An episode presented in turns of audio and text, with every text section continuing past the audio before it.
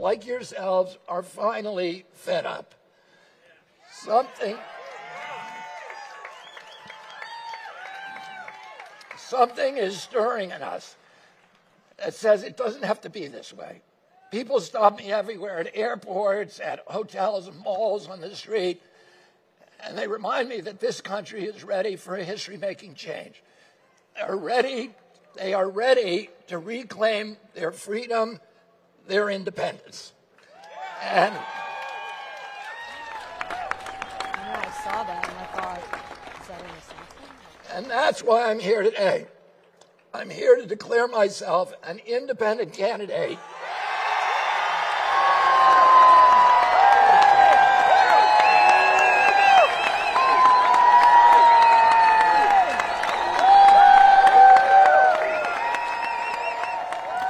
Robert F. Kennedy Jr. Hij start een onafhankelijke kandidatuur voor het Witte Huis. En de grote vraag is dan natuurlijk: wie schaadt hij daarmee het meest? Trump of Biden?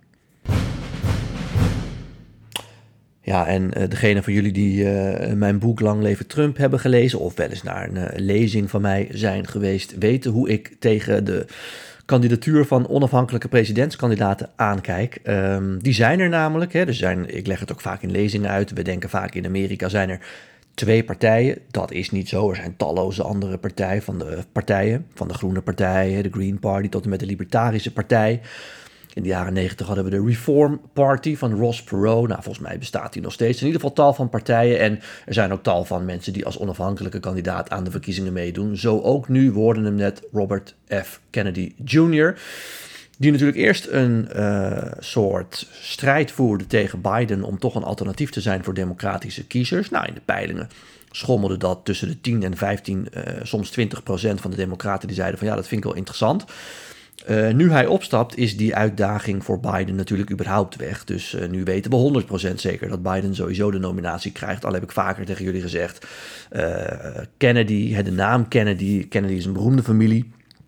Nog steeds een invloedrijke, invloedrijke familie, zeker ook binnen de Democratische Partij. Maar Robert F. Kennedy is zeker door zijn standpunten omt, omtrent vaccinaties en dergelijke en de deep state. Uh, ook allerlei theorieën over de moord op zijn vader bijvoorbeeld. Robert Kennedy, die uh, nadat zijn broer John F. Kennedy vermoord werd, ook vermoord is. Ja, is hij toch een soort buitenbeentje binnen de familie. Uh, het zwarte schaap van de familie zou je kunnen zeggen. En het is dus ook nooit kansrijk geweest dat hij de nominatie zou krijgen. Hij voelt zich ook tegengewerkt door de democratische elite, partijelite. Dat snap ik vanuit hem wel, want uh, natuurlijk gaan er niet zoals hij graag wil debatten georganiseerd worden. Het is logisch dat als je een zittende president hebt, in dit geval Biden, en Biden wil door, dat je dan niet uh, alles als partij in het werk gaat stellen om een soort voorverkiezing te organiseren. Dat is eigenlijk not done. Dus ja, logisch dat Kennedy dacht van ja, daar moet ik wat anders mee. En dus is hij nu die onafhankelijke kandidatuur gestart. En ja, om even terug te komen op mijn uh, verhaal daarvoor. Uh, heb je mijn boek gelezen, ben je wel eens bij lezingen geweest, dan weet je, hè, er zijn tal van andere partijen, maar uh, die partijen zijn eigenlijk spoilers. Die verpesten het vaak voor een van de twee grote andere kandidaten. Bekend verhaal is natuurlijk, ik vertel daar vaak over de presidentsverkiezingen van 2000 tussen Al Gore en George W. Bush zijn ontzettend spannend en uiteindelijk ging het in Florida maar om een paar honderd stemmen verschil. Beide kandidaten kregen daar ongeveer 2,5 miljoen stemmen en het verschil was soms 200 stemmen afhankelijk van welk moment je in de telling neemt. Uh, uh, en uh, nou ja, daar deed ook Ralph Nader aan die verkiezingen mee, iemand van de Groene Partij. En die haalde daar bijna 100.000 stemmen. Ralph Nader is aan de linkerzijde van Al Gore. Hè. Die vindt Al Gore zelfs nog te rechts. Met andere woorden, als Ralph Nader niet aan die verkiezingen had meegedaan, was een deel van die mensen die op hem stemden misschien thuisgebleven. Maar het over, over, over, overgrote deel had op Al Gore gestemd. Ja, en dan had hij toch echt al vrij snel uh, uh, uh, president kunnen zijn. In plaats van dat er nog heel lang herteld is. En de conclusie uiteindelijk was: ja, we geven de verkiezingen in Florida. en dus ook het hele presidentschap maar aan George Bush. Want die staat nu eenmaal een paar honderd stemmen voor. En we zullen nooit weten wie er uiteindelijk echt gewonnen heeft. Dan zouden we alles moeten hertellen. Gedoe, gedoe, gedoe. Uh, en dat zag je ook in 2016 wel gebeuren. Uh, er waren een aantal onafhankelijke kandidaten. Je had de Libertarische Partij, je had ook Jill Stein van de Groene Partij toen.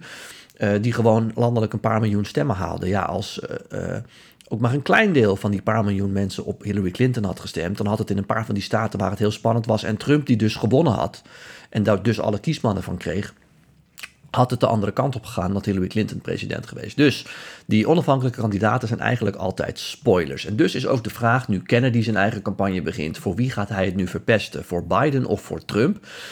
Uh, dat is lastig te zeggen. Ik denk zelf, uiteindelijk is het toch een democraat. Uh, en zie je toch ook bij de Republikeinen straks een soort rallying around uh, de, de flag. Hè, dat mensen toch uiteindelijk allemaal zich om Trump of een andere mogelijke kandidaat gaan scharen denk ik eerlijk gezegd niet dat, uh, dat Kennedy veel kans maakt om kiezers bij de Republikeinen weg te trekken. Maar dat heeft er alles mee te maken wie uiteindelijk de kandidaat daar wordt. Uh, er is wel al uh, begin deze maand een soort peiling gedaan, omdat men al wist dat de kans groot was dat Kennedy een onafhankelijke kandidatuur zou starten. En uit die peiling bleek dat als hij aan de verkiezingen mee zou doen, dat hij toch kon rekenen op ongeveer 14% van de stemmen. Vervolgens zou 31% op Joe Biden stemmen en 33% op Donald Trump. Ja, dan zou je dus uh, uh, een enorme voordeel zien wat Trump uit die onafhankelijke kandidatuur van hem haalt. Maar het is maar de vraag of dat echt zo, zo zal gaan. Dan moeten we de komende tijd even afwachten. hij is natuurlijk heel lang democraat geweest. Hij, heeft, is, hij is ook al jarenlang bevriend met Joe Biden. Zoals Joe Biden al jarenlang bevriend met bijna iedereen is. Want Joe Biden is natuurlijk al een bekend gezicht uit Washington. 50 jaar al dan niet. Dus we moeten ook niet uitsluiten dat als het weer Trump versus Biden wordt, dat uh, Kennedy uiteindelijk zal zeggen van nou, ik gooi de handdoek toch in de ring en was je nou van plan om op mij te stemmen, stem dan op Joe Biden. Er zijn gewoon heel veel onzekerheden.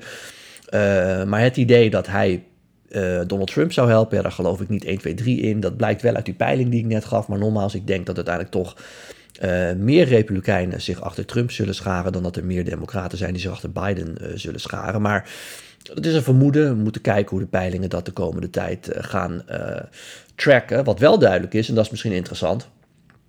Hij staat nu op zo'n 14% in de peilingen. Uh, als dat straks uh, 20% of hoger wordt, ja, dan zal die commissie die de presidentiële debatten organiseert zeggen ja, hij staat zo hoog in de peilingen, dan moeten we hem ook een podium in die debatten geven. En dan wordt het interessant, want dan introduceer je jezelf natuurlijk aan een miljoenenpubliek. En dan kan het wel eens heel erg anders gaan lopen. Dat zagen we in 1992 toen de Texaanse zakenman Ross Perot, hè, je hoort hem af en toe wel eens langskomen in deze podcast, uh, zich kandideerde. Ook een onafhankelijke campagne startte. Ja, die scoorde ook zo hoog in de peilingen dat hij ook aan de debatten deelnam. Uh, en daar heb ik ook wel eens wel wat fragmenten uit uh, gedeeld. Perot overigens, de meest succesvolle onafhankelijke presidentskandidaat ooit met 20% van de stemmen in 1992. Maar ja, dat leverde nul kiesmannen op. En uh, daardoor heeft toch van links of rechts, van links tot rechts men geconcludeerd dat hoe succesvol je ook bent als onafhankelijke kandidaat, dat kiesmannensysteem zorgt er eigenlijk voor dat als je president wil worden, als je wil winnen, dan moet je je gewoon bij een van de twee grote partijen aansluiten. Dan moet je proberen om uh, die partij als een soort vehikel dan maar te gebruiken om te winnen. Dat heeft Trump gedaan, daarom heeft hij de Republikeinse Partij overgenomen. Daarom zag je Bernie Sanders na jarenlang als onafhankelijke senator in de Senaat te hebben gezeten, democraat worden. En daarom zag je Michael Bloomberg, de oud-burgemeester van New York, die eerst de Democratische Partij had afgezworen, toen de Republikeinse Partij had afgezworen, uiteindelijk toch weer democraat worden, want nogmaals, Zo'n vehikel heb je nou eenmaal nodig om president te worden. Dat had Robert Kennedy natuurlijk ook wel gezien, want die is ook niet echt tevreden met de democratische partijkoers van dit moment. Maar ja, uh, uh, daarom heeft hij ook afhankelijk zijn campagne gestart binnen de democratische gelederen. Maar omdat hij toch tegengewerkt werd. hij klaagde bijvoorbeeld ook over het feit dat hij geen Secret Service beveiliging van Biden krijgt ja, heeft het hem toch uiteindelijk uh, toen besluiten om een onafhankelijke campagne uh, te starten. Je kunt je ook afvragen wat hier nog meer voor hem achter zit. Uh, wil hij echt winnen? Of wil hij gewoon in de publiciteit staan? Of wil hij boeken verkopen? Of wil hij zo meteen een, uh, een eigen podcast beginnen waar heel veel mensen naar luisteren? Ik weet het ook niet. Ehm, we moeten even de komende tijd kijken hoe dat gaat. De Amerikaanse politiek, en daar moet ik misschien mee afsluiten, is de afgelopen tijd zo onvoorspelbaar geweest dat uh, we misschien ook niet moeten uitsluiten dat hij wel een kans maakt. Maar nogmaals, mijn verhaal is altijd bij onafhankelijke kandidaten. Die kunnen niet winnen, maar die kunnen het wel verpesten voor een van de twee andere kandidaten. Dat is waarom, heb ik ook vaker gezegd, Liz Cheney, uh, die heeft dat vorige week nog in een interview gezegd, mogelijk ook een onafhankelijke kandidatuur start. Niet omdat ze kan winnen, maar omdat zij toch een aantal teleurgestelde republikeinen naar zich toe kan trekken en daardoor er eigenhandig voor kan zorgen dat Trump niet meer president wordt. Goed, tot zover even de update wat betreft Robert F. Kennedy Jr. Dan aan jullie vragen, die hebben jullie ingestuurd weer via Twitter, Instagram en LinkedIn. Ja, en Mark die stelt meteen de vraag, en die heb ik van meerdere mensen gekregen. Wat is er toch aan de hand met de stem van eh, Robert Kennedy Jr.? Ja, hij heeft een, eh, ziekte, die is pas later bij hem geconstateerd. Ehm, ik, ik, vertel het altijd een beetje als, het is een soort spierziekte. Die, die heeft namelijk zijn uh, stembanden verslapt, of in ieder geval de spieren in zijn, in zijn keel. Eh, en daardoor praat hij heel moeilijk. Ehm, in het begin eh, vond ik dat best wel irritant om naar hem eh, te luisteren. Inmiddels ben ik eraan gewend. Dus het heeft hetzelfde met Trump. In het begin kon ik niet naar Trump kijken zonder zijn haar te zien. Inmiddels valt me dat niet eens meer op. Dus je bent daaraan. en hij heeft laatst nog in een interview gezegd, RFK Jr., dat des te meer die praat, des te meer die die spieren traint. Hè? Dus je denkt wel eens van, nou pas nou op met praten, straks verlies je nog helemaal je stem. Dat is niet zo. Hij moet het gewoon trainen en daarom is het alleen maar goed als hij heel veel praat. Dan vraagt Lisette, klopt het dat er mogelijk geen republikeinse presidentsdebatten meer komen? Nou, dat klopt half Lisette. Um, volgens mij komen er nog een aantal debatten, die staan ook in de planning. Alleen Um, um, er is veel gedoe over die debatten. Trump komt natuurlijk niet opdagen, dus dat maakt het ook voor heel veel uh, zenders minder interessant om uit te zenden. Uh, de partijtop van de Republikeinse Partij, uh, vroeger was dat niet zo, maar nu wel. Is ook wel een beetje Trump goedgezind. Dus die denken ook van ja, misschien moeten we dit uh, onderlinge gevecht maar zo snel mogelijk stoppen. En dan uh, kunnen we Trump zo snel mogelijk kronen. Dat is ook iets wat meespeelt. Uh, ja, en wat ook meespeelt is dat um, er steeds strengere regels komen om zo'n debat te organiseren. Eerst moet je zoveel donoren hebben en zoveel procent in de peilingen hebben. Dat wordt steeds iets verhoogd, waardoor er ook steeds meer kandidaten afvallen. Uh, misschien volgen er nog één of twee debatten, maar ik denk eerlijk gezegd dat het belangrijkste moment nu waar we op moeten wachten eind januari, begin februari is, als Iowa en New Hampshire voorverkiezingen houden, dan zul je zien dat 90% van de Republikeinen afvalt. En dan is de vraag: oké, we hebben Trump over. En misschien Ron DeSantis en Nikki Haley, misschien nog iemand anders. Uh, en is er dan nog een moment om een debat te organiseren? Zeker als Trump die eerste twee voorverkiezingen zou verliezen, dan moet hij misschien wel aan die debatten mee gaan doen. Hè? Want dan verandert zijn calculatie ook. Nu denkt hij, zonde van mijn tijd, en waarom zou ik met die losers in debat gaan? Als hij zelf de loser is, dan moet hij misschien juist wel weer aan zo'n debat deelnemen om even te laten zien wie er de baas is. Uh, dus misschien nog één of twee debatten en dan de rest zien wij in uh, januari, februari, zou ik zeggen. Ja, dan vragen mensen nog uh, of ze tickets kunnen krijgen. Die vraag krijg ik ook heel graag voor mijn theatertour. lang verhaal kort. Volgend jaar gaan we heel Nederland door. Uh, en die tickets die komen pas waarschijnlijk later dit jaar, uiterlijk uh, begin volgend jaar in de voorverkoop, of in de verkoop moet ik zeggen. Dus daar moeten we nog even op wachten.